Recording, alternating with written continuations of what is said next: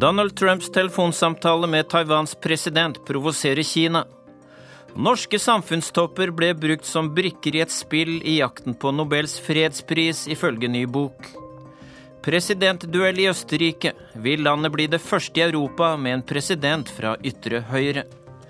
Italias statsminister gjør som britenes tidligere statsminister. Han sier han går av hvis han får nei i folkeavstemning. Vel møtt til Urix på lørdag, der vi også skal til Colombia, Ukraina og til indianerprotestene i Nord-Dakota i USA. Mitt navn er Dag Bredvei. Først til en telefonsamtale som skaper furore. Som vi hørte i Dagsnytt, Donald Trump skal ha brutt flere tiårs diplomatisk etikette ved å snakke direkte med Taiwans president. Siden 1979 har USA understreket at de fører en ett-Kina-politikk. Før sending snakket jeg med Asia-korrespondent Peter Svaar i Beijing. Han sier dette om reaksjonene der. Kinas utenriksminister Wang Yi sier at dette er et lite triks, som han kaller det, fra Taiwans president Tsai Ing-wen. Eh, altså, de prøver jo nå å avdramatisere dette noe. Men han kaller jo også den såkalte ett-Kina-politikken, eh, altså denne politikken om at det bare finnes ett Kina, men ulike tolkninger om hva det innebærer, for en hjørnesten i det kinesiske-amerikanske forholdet. Han sier at Kina ikke vil se noe som kan forstyrre eller destabilisere det forholdet. Så det er jo en klar advarsel om at eh, Kina ikke vil akseptere akseptere eh, dersom eh, en direkte kontakt mellom Washington og Taipei fortsetter. Hva blir konsekvensene dersom Trump viderefører denne kontakten med Taiwan som president? Ja, nå har jo ikke USA hatt noen direkte diplomatiske relasjoner med Taiwan siden president Carter anerkjente Folkerepublikken for 37 år siden, i 1979.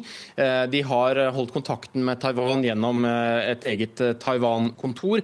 Og om Trump endrer på det, så vil det ha dramatiske følger. Én ting er jo forholdet mellom USA og Kina, som kan bli veldig forsuret av dette. Men så er det jo også forholdet mellom fastlandskina og Taiwan, hvor spenningen jo er på, på, økende front, vil jeg si. Det var valg på Taiwan i starten av året hvor eh, Tsai Ing-wen og hennes uavhengighetsparti eh, vant det valget. Hun har søkt større uavhengighet fra fastlandet. Hun har nektet å ta denne såkalte 1992-konsensusen i sin munn, som Beijing har ønsket. Det er jo en, eh, en konsensus som da sier at, som åpner for at Beijing og, og Taipei kan legge ulike ting i hva, hva et Kina innebærer. Um, uh, og Det har vært flere store kinesiske militærøvelser uh, nå det siste året, rett ved Taiwanstredet, flere av dem. Så uh, det, den kontakten som nå har vært mellom Taiwan og, og, og Trump, kan øke spenningen i Taiwanstredet. og dette kan jo bli en ganske tilspisset situasjon. Kina anser jo Taiwan å være en, en, en, republikk i Kina som man gjerne som man tilbake, kan ta tilbake med makt, militærmakt dersom det blir nødvendig.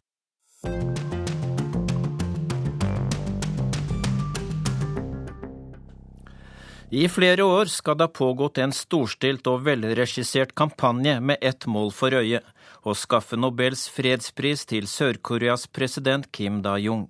Norske samfunnstopper ble brukt som brikker i et spill i jakten på verdens mest prestisjetunge pris, ifølge ny bok. Reportere er Christian Aanonsen og Vilde Helgesen.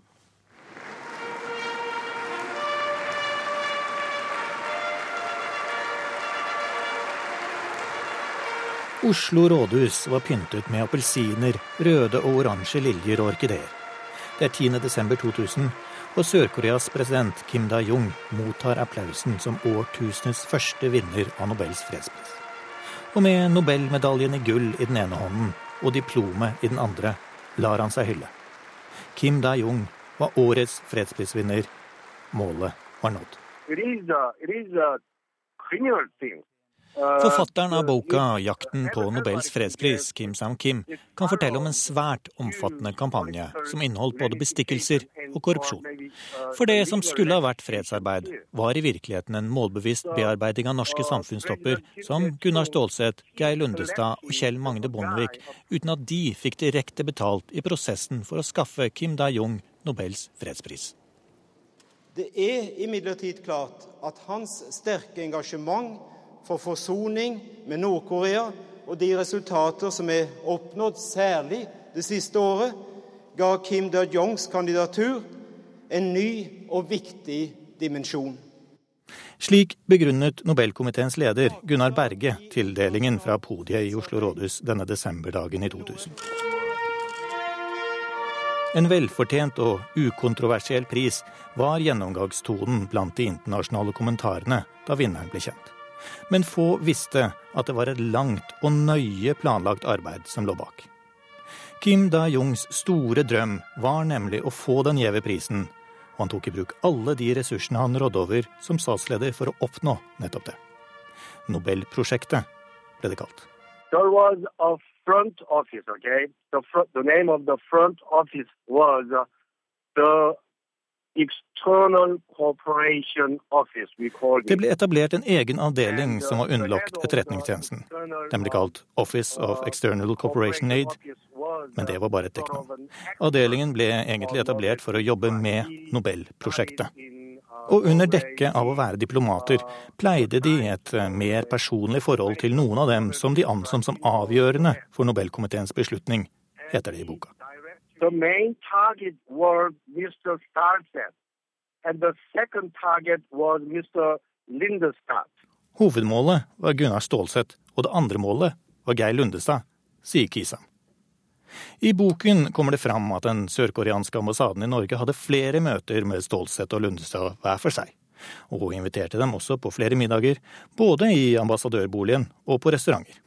Men størst påvirkningsmulighet fikk kanskje Nobelprosjektet da de inviterte Stålsett og kona til Sør-Korea i 1999. For på flyplassen i Seoul ble Stålsett ført inn i VIP-loungen forbeholdt statsgjester, og alt var dekket. Uh, invited Mr. Stolze to South Korea, pay everything, pay the Nobelteamet betalte alle kostnader for Stålsett og hans kone. Det var fly, hotell, alt sammen. Og den sørkoreanske etterretningstjenesten behandlet Stålsett svært godt, sier avhopperen Kim Sam. Og selvfølgelig var audiensen hos presidenten og landets førstedame høydepunktet på turen.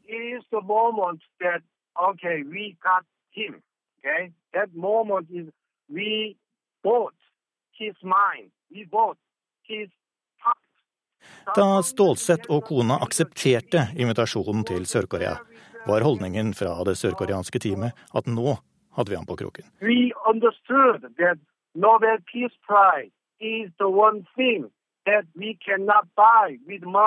For vi forsto at Nobels fredspris var den eneste tingen vi ikke kunne kjøpe for penger direkte. Så vi betalte ikke store pengesummer direkte til nordmennene. Vi forsøkte å vinne hjertene til medlemmene av Nobelkomiteen, og til Stålsett spesielt, sier Kiki Imsa.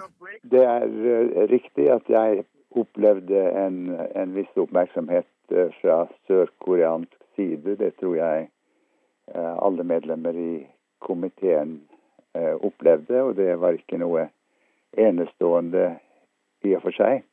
Det sier Gunnar Stålsett i dag, 17 år etter turen til Sør-Korea, og han bekrefter at alt var betalt av sørkoreanske myndigheter. Ja.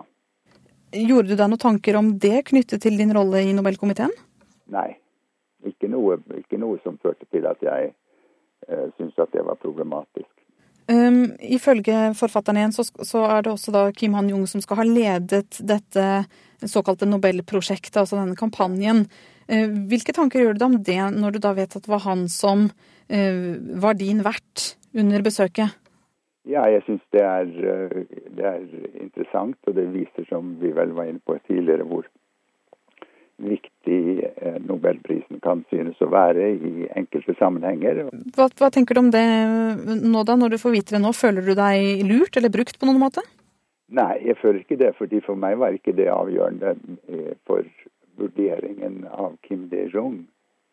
Er det en mulighet for at du kan ha blitt mer vennlig innstilt overfor Sør-Korea og overfor Kim Dae-jung når du fikk en så pen behandling og ble, eh, si, ble pleiet et, et, mer personlig forhold til deg?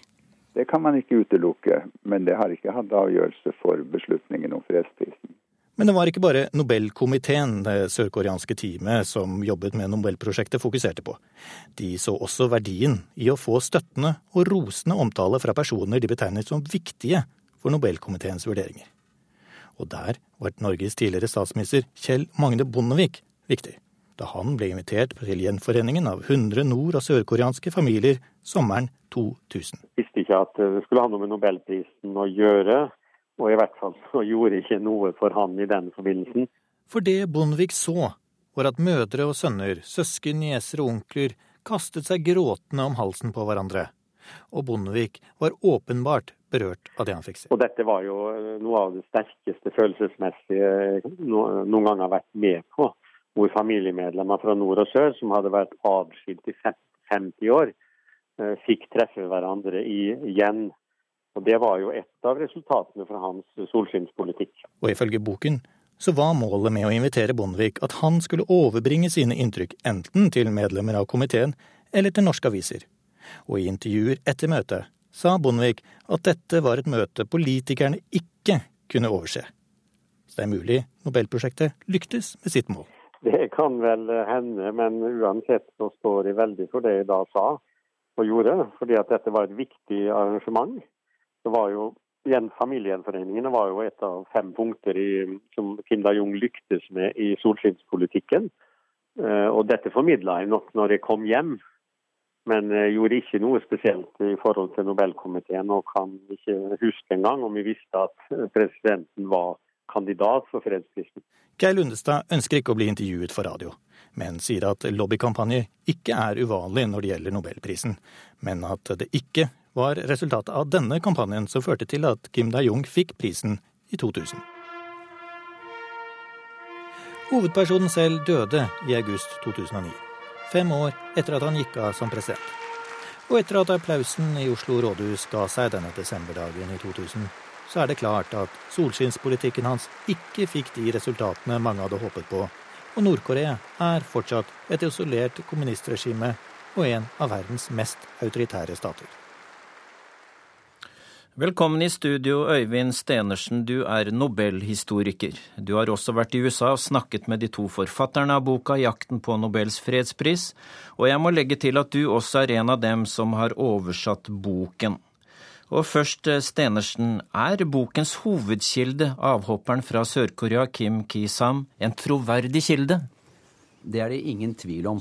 Altså, han hoppet av av moralske grunner. Han mente at det som var foregått bak kulissene, det måtte verden få vite noe om. Så han måtte måtte da søke politisk asyl i USA, og han er der nå. Og det tok åtte år før den søknaden ble innvilget. Hva med journalist og forfatter Donald Kirk? Han er jo en anerkjent ekspert eh, på eh, sør, sør, sørøstasiatisk politikk. Og har vært det i mange år, så han er absolutt en stor størrelse på det området. Eh, boken gir et sjeldent innblikk i hvordan en kandidat til fredsprisen jobber over mange år for å oppnå målet om å få prisen, og er dette eksempelet en særstilling? Absolutt. Det er verken før eller senere eh, offentliggjort lignende kilder som viser hvordan eh, prosessen foregår bak kulissene. Og det som kommer fram, det er jo da ganske nøyaktige samtaler fra møter og dette var jo ikke beregnet på, på, offentliggjøring. Det var det at de ble lekket av, av denne agenten som hoppet av. Vil du si at kjente personer som eh, vi hørte her, Stålsett, Lundestad, Bondevik, ble påvirket på en utspekulert måte, og at de ikke forsto at de ble påvirket? Det er helt klart. altså De skjønte ikke hva som foregikk. Og dette var jo så velregissert av denne Kim Han-jung, som han het, eh, at eh, vi har ikke sett noe lignende i nobelhistorien. Eh, da Gunnar Stålsett og kona sa ja til å reise til Sør-Korea, eh, da mente Sør-Korea at nå hadde de Nobelkomiteen på kroken, så å si. Eh, paret ble påspandert alt. Vil du si at dette er bestikkelser eller korrupsjon? Nei, altså jeg vil ikke bruke det begrepet. Altså, de blir forsøkt påvirket. Og det viktigste her for Stålsett, sånn som jeg forstår det, var jo at da så han på seg selv som biskop. Han var opptatt av eh, kan vi si, det kristne budskapet her, og at eh, da presidenten var kristen, og også kona. At, eh, så han så på det i mer da som biskopssammenheng, kan vi si. Mer biskopssammenheng enn medlem av Nobelkomiteen? Ja, han hadde jo flere hatter, og da hadde han på seg biskophatten, da. Og jeg tror særlig Altså, Kim Da-Jung fortalte jo, han mente at faktisk Jesus hadde grepet inn i, i livet hans og reddet han. Eh, å ha denne sterke religiøse opplevelsen, den tror jeg har betydd mye for eh, biskopen. Ja, for Geir Lundestad, som studerte sammen med presidenten i Sør-Korea i sin tid på 80-tallet ved Harvard, han ønsket ikke å besøke presidenten da han var i Sør-Korea et par år tidligere, nettopp pga. at han da var kandidat til fredsprisen. Ja, det er helt riktig. Og, men altså, Lundestad var jo da også den som på en uh, sikker måte ga et signal til uh, sørkoreanere om at han var en kandidat. Men han måtte gjøre det bedre både når det gjaldt menneskerettigheter og uh, forbrødring med Nord-Korea. Da ville hans sjanser øke. Ja, for både Stålsett og Lundestad de ble invitert mange ganger på lunsjer og middager over lang tid. Ja, Altså, De kaller dette for wining and dining, og det brukte de i veldig mange sammenhenger for å påvirke da, uh, ulike aktører.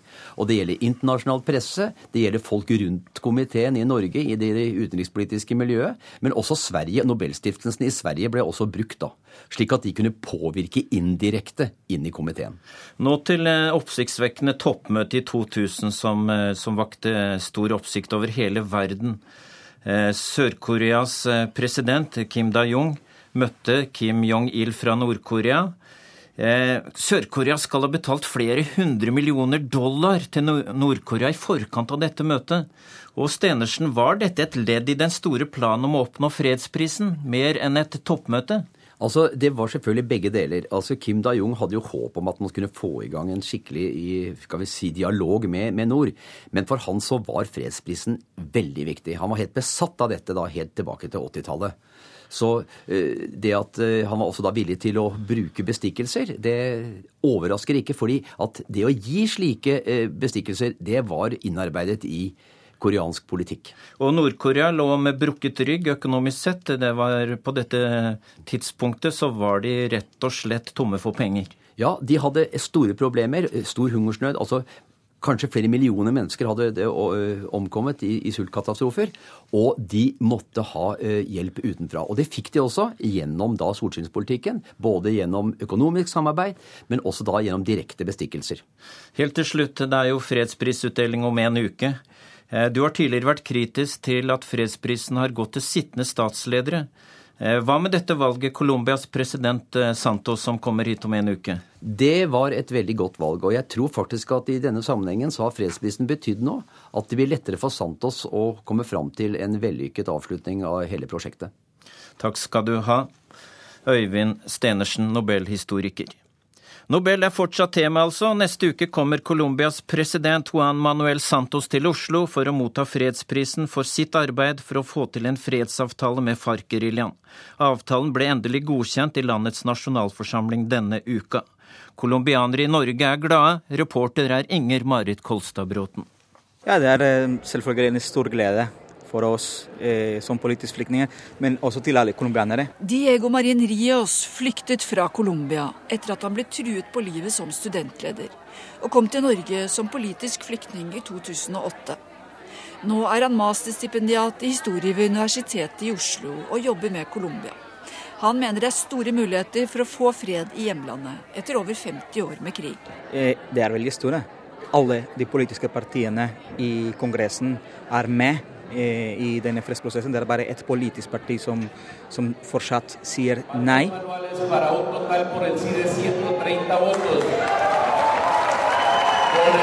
Jubel da nasjonalforsamlingen i Colombia godkjente den nye avtalen med FARC-geriljaen. Med dette resultatet kan vi begynne å gjennomføre avtalen, sa innenriksminister Juan Fernando Cristo, og viste til at det bl.a. betyr avvæpning av FARC-geriljaen. Men motstanden mot avtalen er fortsatt stor. Den første avtalen ble avvist av et knapt flertall av velgerne i folkeavstemninga i oktober. Nå er det gjort flere endringer etter innspill fra opposisjonen. Men de er fortsatt ikke fornøyd, og boikottet avstemninga i nasjonalforsamlingen. Tidligere president Alvaro Uribe, som ledet nei-kampanjen, står i spissen for opposisjonen, som mener at FARC slipper for billig unna i avtalen, fordi de kan slippe fengsel for alvorlige forbrytelser og isteden få samfunnsstraff. De er også imot at FARC skal få ti plasser i parlamentet, uansett oppslutning i to perioder. Diego Marin Rios sier han ble truet på livet av Uribe da han var president. På tross av opposisjonens motstand tror han ikke de klarer å stoppe fredsprosessen. Ifølge siste målinger er støtten til fred 85 blant eh, sånn, alle i, i Colombia. Eh, og det som skjer med dette politiske partiet og med Uribe, spesielt med Uribe, er at de har et politisk program og de følger dette politiske programmet, som er å nekte at vi har en konflikt i Colombia, en økonomisk, politisk og sosial konflikt. Så det er ikke noe overraskende. De kommer til å stå mot fredsprosessen hele veien mot eh, presidentvalg i 2018, fordi det er det som, som dette handler om fra, fra Uribe og dette politiske partiet perspektiv, er å ta makten igjen i 2018. Roddy Brett, professor ved et universitet i hovedstaden Bogotá, er i Oslo for å snakke om fredsprosessen, og sier det er mange vanskeligheter framover på veien mot fred. The next 150 days for the countdown to the demobilization and the disarmament of the FARC is an incredibly important challenge. Han sier at de neste 150 dagene, når demobiliseringa av FARC-soldater starter, kan bli svært vanskelige. For nå begynner arbeidet med å flytte FARC-soldater fra fjellene og jungelen til egne demobiliseringsleirer hvor de skal levere fra seg våpnene under overvåkning av FN. Men det blir ikke lett å gå fra å være en gerilja til å bli en politisk bevegelse. For hatet mot FARC er fortsatt stort hos mange.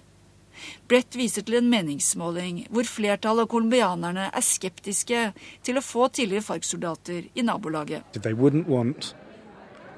Their sons and daughters going to school with children of, of, former combatants. They wouldn't want their former combatants as neighbours or to live in their communities, and they wouldn't employ former combatants. So you have a society that isn't sympathetic in any way whatsoever to the FARC.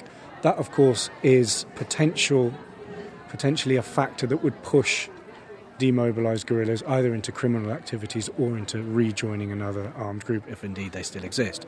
So that of course is a fundamental challenge. De siste månedene har flere menneskerettighetsforkjempere og aktivistledere blitt drept. Og Diego Marin Rios mener flere som føler seg truet av fredsprosessen, kan skape problemer framover. Eh, de som har eh, mer makt på lokalnivå.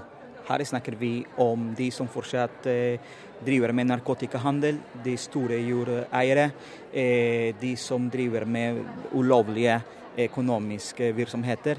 De som har makt på bakken, som man kan si, det er de som kan stoppe fredsprosessen, implementere denne fredsprosessen. Så hvordan staten sammen med det sivile samfunnet kan stoppe dette, det er det som er avgjørende. Neste uke kommer president Santos for å motta fredsprisen. Diego skal være med på seremonien, og mener prisen har stor betydning for fredsprosessen. For meg betyr det mye mer enn Santos. Det er Colombia. Det er Colombia som gjelder. Jeg kommer til å glede meg mye og, og se hvordan eh, vi kan eh, bruke denne staten for å hjelpe til å bygge denne freden, som er eh, Colombias største drøm.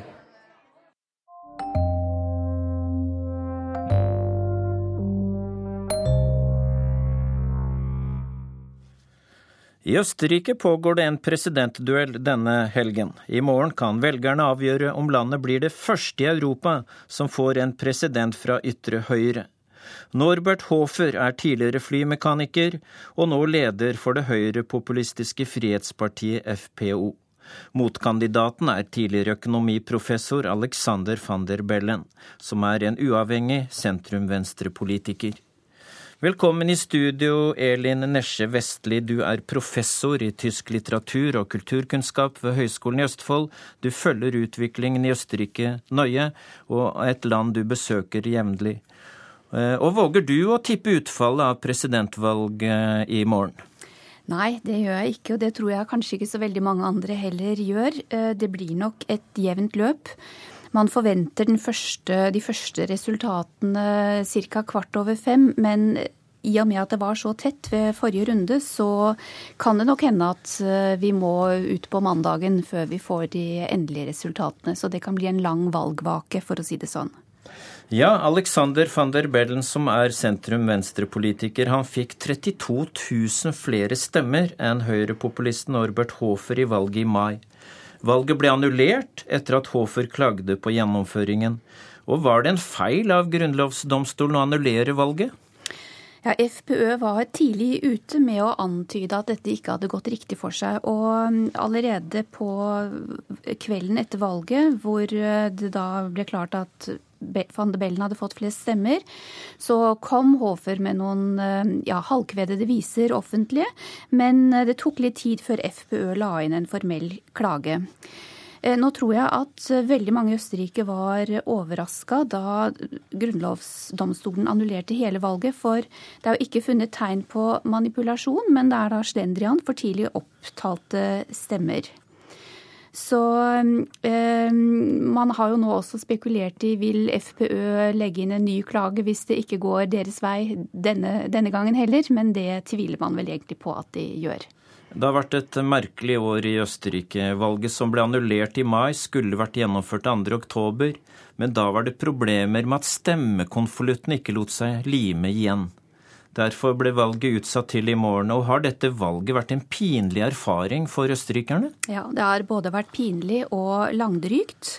Ehm, det har jo vært lagd mange vitser om bananrepublikk og sammenligninger med land som Østerrike vanligvis ikke vil sammenligne seg med. Nå sier jo østerrikerne ehm, på sitt humoristiske vis at limet det var faktisk fra Tyskland. Det var altså ikke østerriksk lim, men det var tysk lim. Men uansett så er eh, østerrikerne nå også veldig valgkamptrøtte. Og det blir jo spennende å se i hvilken grad det får følger for valgdeltakelsen. Vi har nå kontakt med korrespondent Guri Nordstrøm. Du er i Østerrike dagen før valget, og det er jo to motpoler som møtes til valgduell.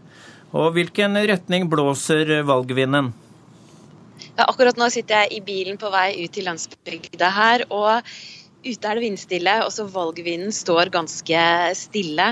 Ifølge meningsmålingene, hvis man fortsatt skal tørre å tro på sånt, så er det veldig jevnt. De to ulike kandidatene veksler mellom å ha eh, henholdsvis 51% og 49% eh, annenhver dag nå. Så dette kan fort bli like spennende som det valget som var i mai. Akkurat nå er utfallet helt uvisst, og det kan hende at vi ikke vet resultatet før eh, på tirsdag.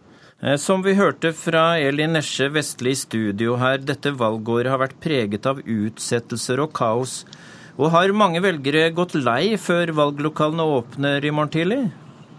Mitt inntrykk er todelt. På den ene siden lei, ja. fordi det her er jo to sider som har gått fra stor glede til stor skuffelse, til stor glede til stor skuffelse om hverandre her. Eh, samtidig så er det veldig mange nå som er opptatt av å mobilisere alt de kan for å hindre at den andre motparten vinner. Og så viser det seg jo også at mange vil jo ikke ha noen av kandidatene, men kommer likevel til å stemme for å hindre at den kandidaten de liker minst, kommer til eh, makta. Og jeg ser på forsiden nå av avisa Østerreich, så står det ganske tydelig 'hatvalget som splitter Østerrike'. Eh, bortsett fra annullering og stemmekonvolutter uten lim, hva har vært de viktigste sakene i valgkampen i Østerrike?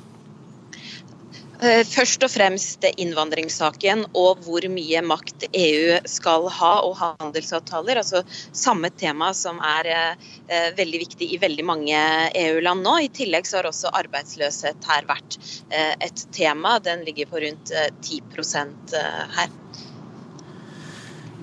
Takk skal du ha, Guri Nordstrøm, med oss direkte fra Østerrike. Nesje Vestli, vi hører flyktningkrisen har vært et hett tema i valgkampen, og van der Bellen har lagt seg på en linje som minner om Angela Merkel i Tyskland, om åpne grenser og rask integrering. Mens Hofer derimot, han vil ha stengte grenser og sagt at Merkels linje er til skade for Europa. Og vil flyktningkrisen avgjøre valget?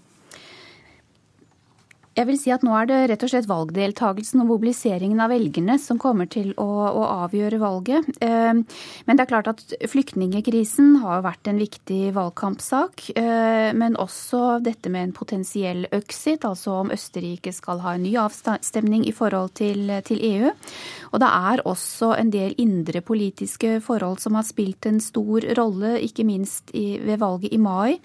Østerrike har en koalisjonsregjering av sosialdemokrater og det konservative partiet, ÖVP. Og eh, de, den regjeringen er preget av indre krangel, noe som de fleste østerrikere er rimelig lei av. Så valget i mai var nok også delvis en ørefik for eh, de to sittende, altså regjeringspartiene.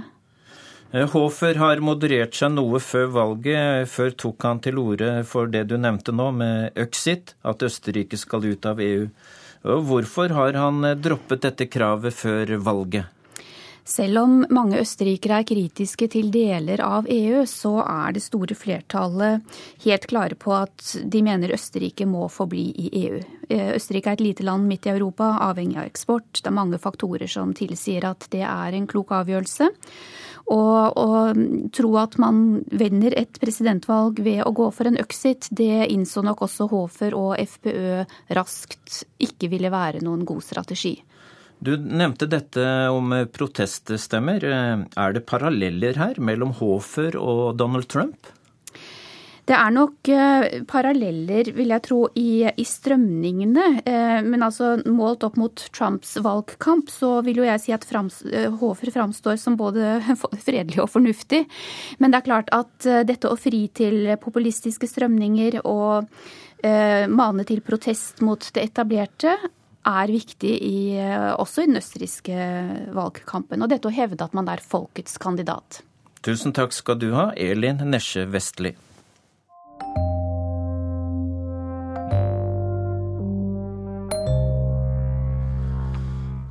Nå USA i Nord-Dakota fortsetter protestene mot en oljerørledning som lokale indianere mener vil kunne ødelegge drikkevannet deres dersom det skjer en ulykke. Nå har myndighetene satt eh, mandag som en frist for at demonstrasjonene må avsluttes. I'm here at the top of the rock at Standing Rock, and I'm coming down, baby. It's a winter storm. Standing Rock! Woo! Reporteren fra fjernsynskanalen TYT leker seg riktignok i snøen, men egentlig er det alt annet enn moro. Vinter og vind, snø og kuldegrader har gjort livet vanskeligere for demonstrantene i Nord-Dakota. It's very cold. It's a uh, storm. It's supposed to snow for at least three days here. I'd say it's 31 degrees, but it feels more like 20. Very high wind gusts. Uh, I'm having fun, but it can get dangerous. Skjønt de er ikke demonstranter som protesterer mot en oljerørledning lenger. De har skiftet strategi. De er ikke lenger negative og mot, nå er de positive og for. De forsvarer moder jord, støtter skaperverket og kaller seg nå vannbeskyttere. En hel verden forstår dette, sier suhøvdingen Looking Horse. It's all over the world that people are standing to uh, protect whatever good water we have left. Det dreier seg altså om en oljerørledning, like lang som fra Lindesnes til Nordkapp, til en kostnad av drøyt 30 milliarder kroner, gjennom fire amerikanske stater. Den er så godt som ferdig, men demonstrasjonene ved det omstridte strekket i Nord-Dakota har ført til at arbeidet er stanset.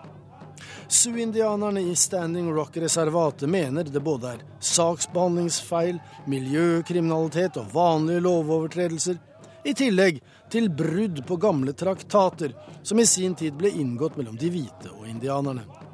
Det er Hærens ingeniørkorps som teknisk sett eier området det strides om, og der det er mange hellige indianske steder.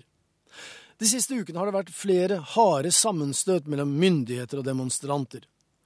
Tungt væpnet politi har, ifølge Amy Goodman i Democracy Now, angrepet vannbeskytterne med bl.a. vannkanoner og gummikuler, pepperspray og tåregass. Riot police with military grade equipment have attacked the Native American protectors with pepper spray, tear gas, beanbag rounds, rubber bullets, and sound cannons called LRADs. That's long range acoustic device. Demonstrantene har forskanset seg i rene indianerleire de siste månedene protestcamper med indianertelt, eller tipis som det egentlig heter, med indianere i fjærpryd og såkalte krigere til hest. Mange har vært der en stund, i joggesko, medbringende sommertelt og tynne klær. Kaldt, slik den iskalde vinden nå blåser. Men når myndighetene nå viser omsorg for de tilreisendes liv og helse, så vekker det en viss munterhet blant vannbeskytterne. All den tid den samme øvrigheta nylig brukte gummikuler og tårgass mot dem. Og siden de altså ikke får tildelt varme klær og skikkelige telt, så kan det ikke være deres ve og vel myndighetene tenker på først. Men oljerørledningens fremtid er Lakota-indianernes lakoniske kommentar. I found, I, what I found humorous in that letter was that they said that they're concerned about this camp and that they have a place on the other side, which is just about two, three hundred yards right over there. So apparently, we can we, we can survive the winter over there, but we can't right here. Men når guvernøren i Nord-Dakota og den lokale sheriffen hevder at jo, det er uforsvarlig å la folk bo ute i snø og kulde uten skikkelig utstyr, så forklarer indianerne dette hensynet med at de to myndighetspersonene er relativt ferske og uvante med vinterklimaet i Dakota. Indianerne klarer seg nok, sier Joshua Tree. De har vært ute vinternetter på prærien i mer enn 1000 år. The indigenous tribes and the people who have been living here have been weathering for hundreds and, you know, literally thousands of years. Det er uro foran fristen. Vannbeskytterne er forsterket med nye sympatisører, vilje til å trosse vær og vind for å beskytte vann og venner. Det er uklart om myndighetene setter makt bak fristen sin. Sentrale talspersoner har sagt at de ikke kommer til å gjøre det, men vannbeskytterne frykter at Slike utsagn bare er taktiske for å kunne overraske og overrumple en uforberedt motstander. Men vannbeskytterne, de er uansett kommet for å bli, sier de selv. Verken vinterstormer eller stormtropper kan forhindre det. Og det sa tidligere USA-korrespondent Joar Hoel Larsen.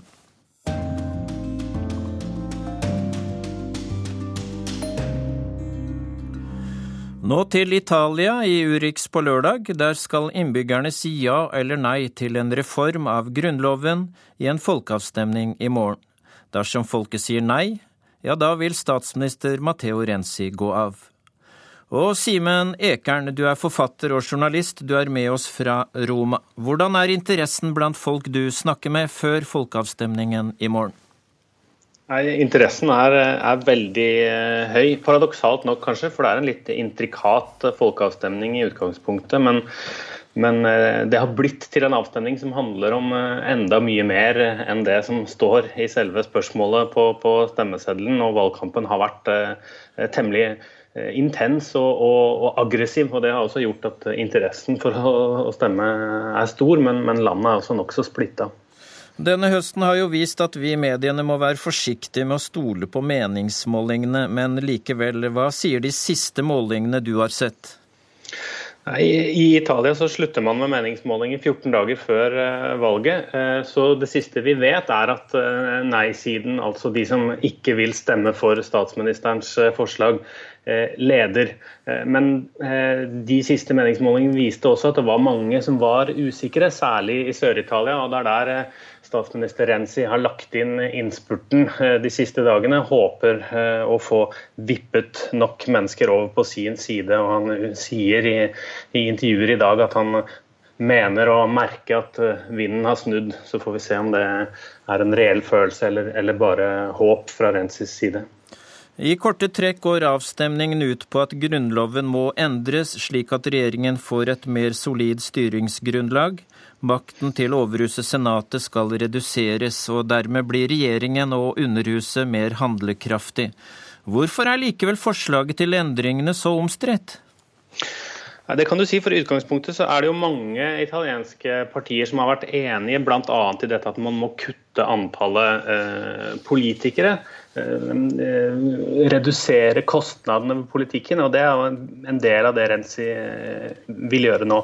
Eh, samtidig så har det blitt sånn at, at reformforslaget mener motstanderne da, fjerner en del av kontrollmekanismene. Uh, altså det gjør det enklere uh, å styre, men det gjør det også uh, vanskeligere å kontrollere en, en, en, sterk statsminister. Og sammen med en, en valgreform som også henger på sett og vis sammen med denne grunnlovsreformen, så mener man at faren er at en som, som, som vinner, som får over 40% får så mye bonus og får da så lite konstitusjonell kontroll over seg selv at, at det vil gi for stor makt til, til, til politikere. Det er en, en, en, av årsakene til at noen opposisjonspolitikere rett og slett advarer mot et, et kommende diktatur.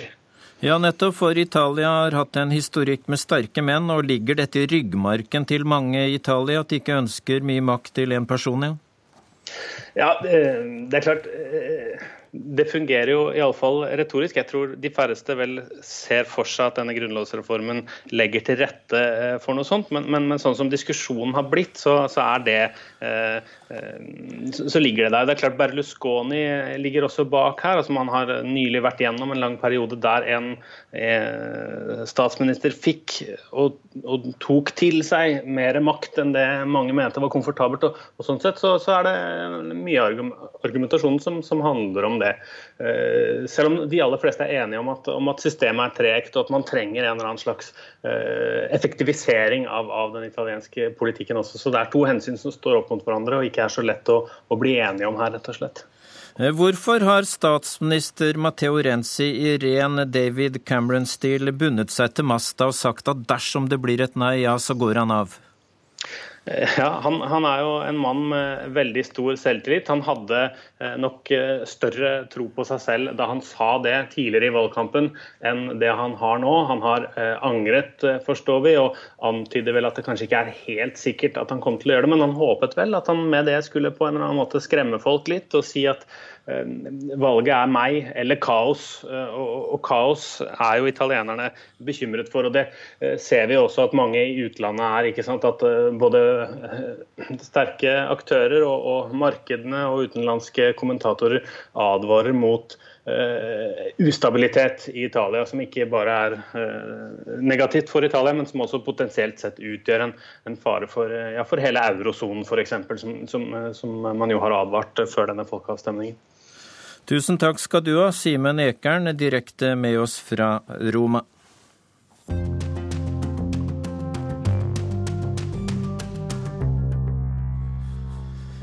Vi forflytter oss. Vi skal helt øst i Ukraina, til områder kontrollert av styrker lojale til Russland.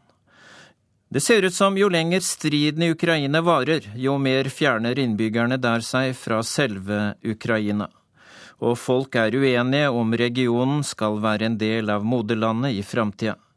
Korrespondent Morten Jentoft har sendt oss denne reportasjen fra Donetsk.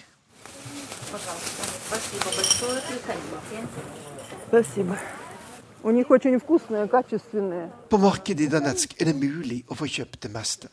Men 75 år gamle Ludmila Lavrinenko, pensjonert tannlege, har tenkt nøye på hva hun vil ha denne fredagen sitron, grønnløk og ost til en rett hun skal lage til familien, er alt hun føler at hun har råd til.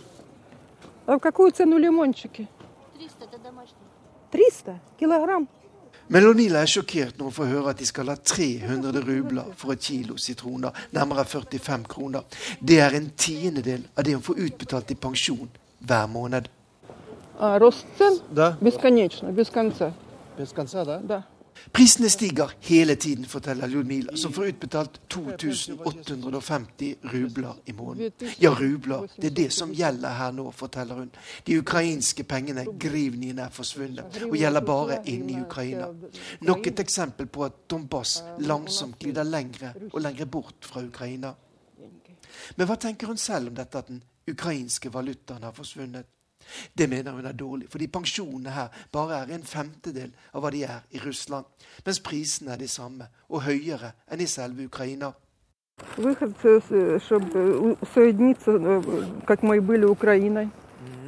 Ludmila er ikke glad i den ukrainske presidenten Petro Porosjenko og de som styrer i hovedstaden Kiev i dag. Men hun ønsker så mange her i Donbass at området igjen skal bli en del av Ukraina.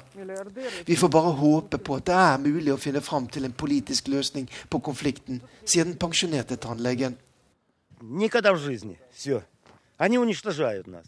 Men den pensjonerte gruvearbeideren Nikolai Sjulipa vil ikke ha noe med Ukraina å gjøre. Og det er ikke så vanskelig å forstå det når jeg møter ham ute på Stravtonautgaten, i nærheten av det som en gang var flyplassen i Danetsk. Her er det knapt en eneste hel bygning å se. Og huset til Nikolai har gjennom to og et halvt år med konflikt fått 13 treff fra granater. For Nikolai begynte det hele 26. mai 2014, da ukrainske styrker forsøkte å ta tilbake kontroll over flyplassen fra de prorussiske separatistene. Han hadde da akkurat fått ferdig det lille huset sitt, men hadde aldri tenkt at det skulle havne i sentrum for en konflikt som pågår fremdeles. Vi kjører ut fra Danetsk på de flotte motorveiene som en gang ble bygget her, bl.a. i forbindelse med fotball-EM i 2012. Men snart snevrer veien inn, og jeg ser lange køer av biler og mennesker. Vi nærmer oss en annen av de seks overgangspunktene mellom separatistkontrollert og regjeringskontrollert område ved byen Marinka.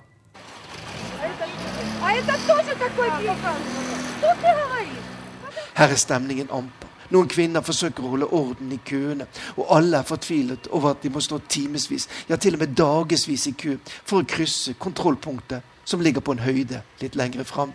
Я в 7 утра уже была сегодня, потому что комендантский час в 5. Я проехала тот блокпост, и здесь вот мы теперь... Jeg var her allerede klokken sju i dag tidlig, forteller Ludmila Krabivnaya. Jeg føler at ukrainske myndigheter forakter oss, ser ned på oss. Vi er ikke terrorister, vi er vanlige, velutdannede mennesker, sier Ludmila, som er på vei til slektninger i Kharkiv, Ukrainas nest største by, litt lengre nordvest. Også hun er i prinsippet for et forent Ukraina. Men det er nok et eksempel på at jo lengre konflikten i dette store landet øst i Europa drar ut på tid, ja, jo vanskeligere blir det å få dette til i praksis.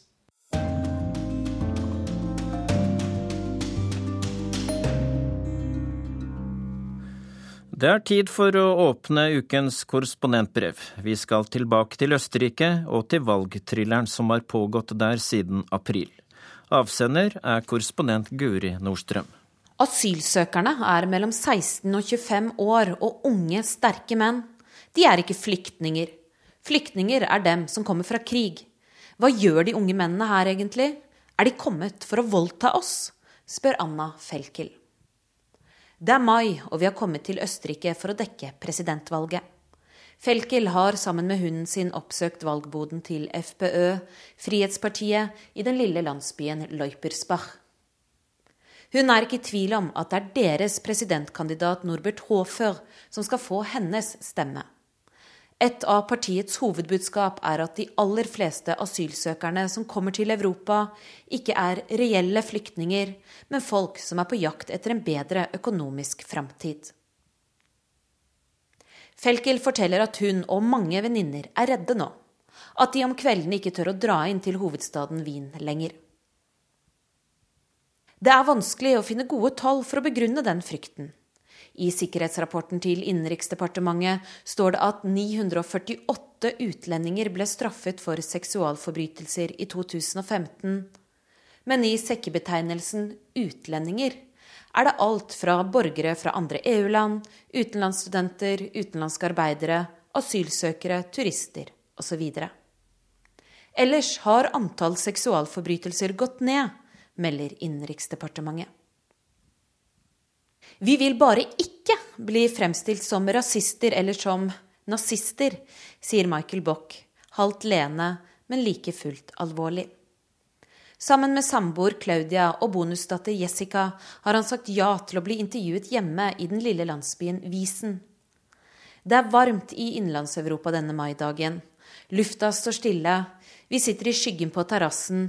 De skjenker kaffe og serverer rullekake, mens husets golden retriever ligger som et slakt på de kalde gullflisene inne på kjøkkenet. De tre stemmene fra denne familien går også til ham som representerer partiet Jørg Haider ledet på 80- og 90-tallet. Nesten 90 000 mennesker søkte asyl i Østerrike under migrantkrisa i 2015. Året før var det rundt 30 000. Samtidig var arbeidsløsheten på rundt 10 Vi har den høyeste arbeidsledigheten på 60-70 år, og vi bekymrer oss for den høye andelen innvandrere. Vi vet ikke om sosialsystemet vil klare dette, sier Claudia. Asylsøkerne går forbi og glor. Det er ingen god følelse. Jeg liker ikke å gå alene på gata lenger. Etter forrige sommer er jeg blitt reddere, sier datteren Jessica. Men de understreker igjen Et rasiststempel vil de ikke ha på seg. De sier det er årsaken til at de aldri ville ha invitert noen fra østerrikske medier, eller fra det de kaller lygenpresse, altså løgnpressen, til kaffe på terrassen. De stoler ikke på egne medier lenger, og føler seg ofte uthengt. Når man har tatt imot så mange asylsøkere, må man selvfølgelig gjøre noe. Og det er grunn god nok for mange til å kalle Østerrikets frihetsparti for rasister, mener Claudia. Dette var i mai. Nå er det årets siste måned, og naturlig å oppsummere. Mens mitt første år som korrespondent handlet om å dekke migrantkrisa Europa rundt, har mitt andre år gått ut på å dekke innvandringskritiske partiers fremvekst Europa rundt. Sett i ettertid er det vel logisk at det ville skje. Men den gang, i 2015, da velkomstkulturen skygget over det meste, var det vanskelig å se for seg at vi skulle havne her så fort. Med polariserte samfunn over hele Europa. Mange ting som er blitt vanlig og nærmest stuerent å ytre i disse dager, ville vært utenkelige for bare ett år siden. Og vanligvis ville ikke et presidentvalg i Østerrike vært særlig interessant. Tradisjonelt sett har presidenten holdt seg til sin seremonielle rolle, mens forbundskanslerne, altså regjeringssjefene, har hatt makta. Men denne gangen er det annerledes. Begge kandidatene sier de kan komme til å bruke makta som embetet gir på papiret, og de truer med å gjøre ting ingen presidenter har gjort før dem. Hofer har sagt at han vil sparke regjeringen dersom de slipper inn for mange asylsøkere i landet. Motkandidat og tidligere leder for De Grønne, Alexander van der Bellen, har sagt at han vil nekte å ta i ed en forbundskansler fra FPØ dersom de skulle få flertall i nasjonalforsamlingen, noe de kan få under forbundsdagsvalget i 2018. Vårens presidentvalg i Østerrike ble en thriller til slutt. Under første valgomgang i april, der flere kandidater stiller, får ingen de påkrevde halvparten av stemmene. Under andre valgomgang i mai vinner van der Bellen knapt med 30 863 stemmer etter to dagers fintelling. FPØ sender da en 150 siders lang klage til grunnlovsdomstolen, hvor de er særlig kritiske til hvordan forhåndsstemmene har blitt talt opp. I juli får de medhold. Riktignok finner ikke domstolen noen tegn på bevisst manipulasjon, men bl.a. ble noen av poststemmene talt opp for tidlig, og rett skal være rett. Ny valgdato blir satt til 2. oktober. Men så viser det seg at konvoluttene som skal brukes til forhåndsstemmene, ikke kan limes skikkelig igjen. Nok en gang blir valget utsatt, nå til søndag 4. desember. En ny president vil imidlertid ikke bli tatt i ed før 26.1 neste år. Det er lagt inn litt slack nå, slik at dersom det kommer enda flere klager, så vil myndighetene ha litt tid på å etterforske det. Alt rotet har, om ikke annet, i alle fall ført til at man nå har fått et nytt ord i det tyske språket. Bundespresidentens Stichwahlwiederholungsverschiebung, som kan oversettes noe à la den repeterende utsettelsen av presidentvalget. Og valget ligger an til å bli like jevnt denne gangen, ifølge meningsmålingene, for dem som fortsatt tør å tro på sånt. Avstanden mellom de to kandidatene er fortsatt enorm. Det samme er avstanden mellom velgerne deres. Østerrike er delt på midten i to leire som heller snakker om hverandre enn med hverandre. På van der Bellens Facebook-side er det lagt ut en video med pensjonisten Gertrude. Hun var 16 år gammel da hun og familien ble deportert til konsentrasjonsleiren Auschwitz, og den eneste i sin familie som overlevde holocaust. Nå advarer hun folk mot å stemme på ytre høyre-kandidaten. Jeg har sett det som nå skjer en gang tidligere. Det skremmer meg, sier hun i videoen, som har over tre millioner visninger. Særlig er hun skremt over FPØ-lederens utsagn om at migranter kan føre til borgerkrig i Østerrike. Partiet får fram det verste i folk og spiller på folks grunnleggende følelser framfor deres anstendighet, sier 89-åringen og legger til dette er trolig mitt siste valg. Men unge mennesker som har livet foran seg, må sørge for at de nå gjør det rette. Og siden valgkampen har pågått i nesten ett år, har også velgerne forandret seg litt. Siden første valgomgang i april har det kommet mange unge nye velgere til. Nærmere bestemt 45 600 som har fylt 16 år og dermed har lov til å stemme i presidentvalget. Samtidig har 45 000 stemmegivere avgått med døden siden sist. Kanskje kan det ha noe å si i nok et valg der hver eneste stemme vil telle. Teknisk ansvarlig Vegard Tidsevold, produsent Eli Bjelland og jeg, Dag Bredvei, takker for følget i denne ukens Urix på lørdag.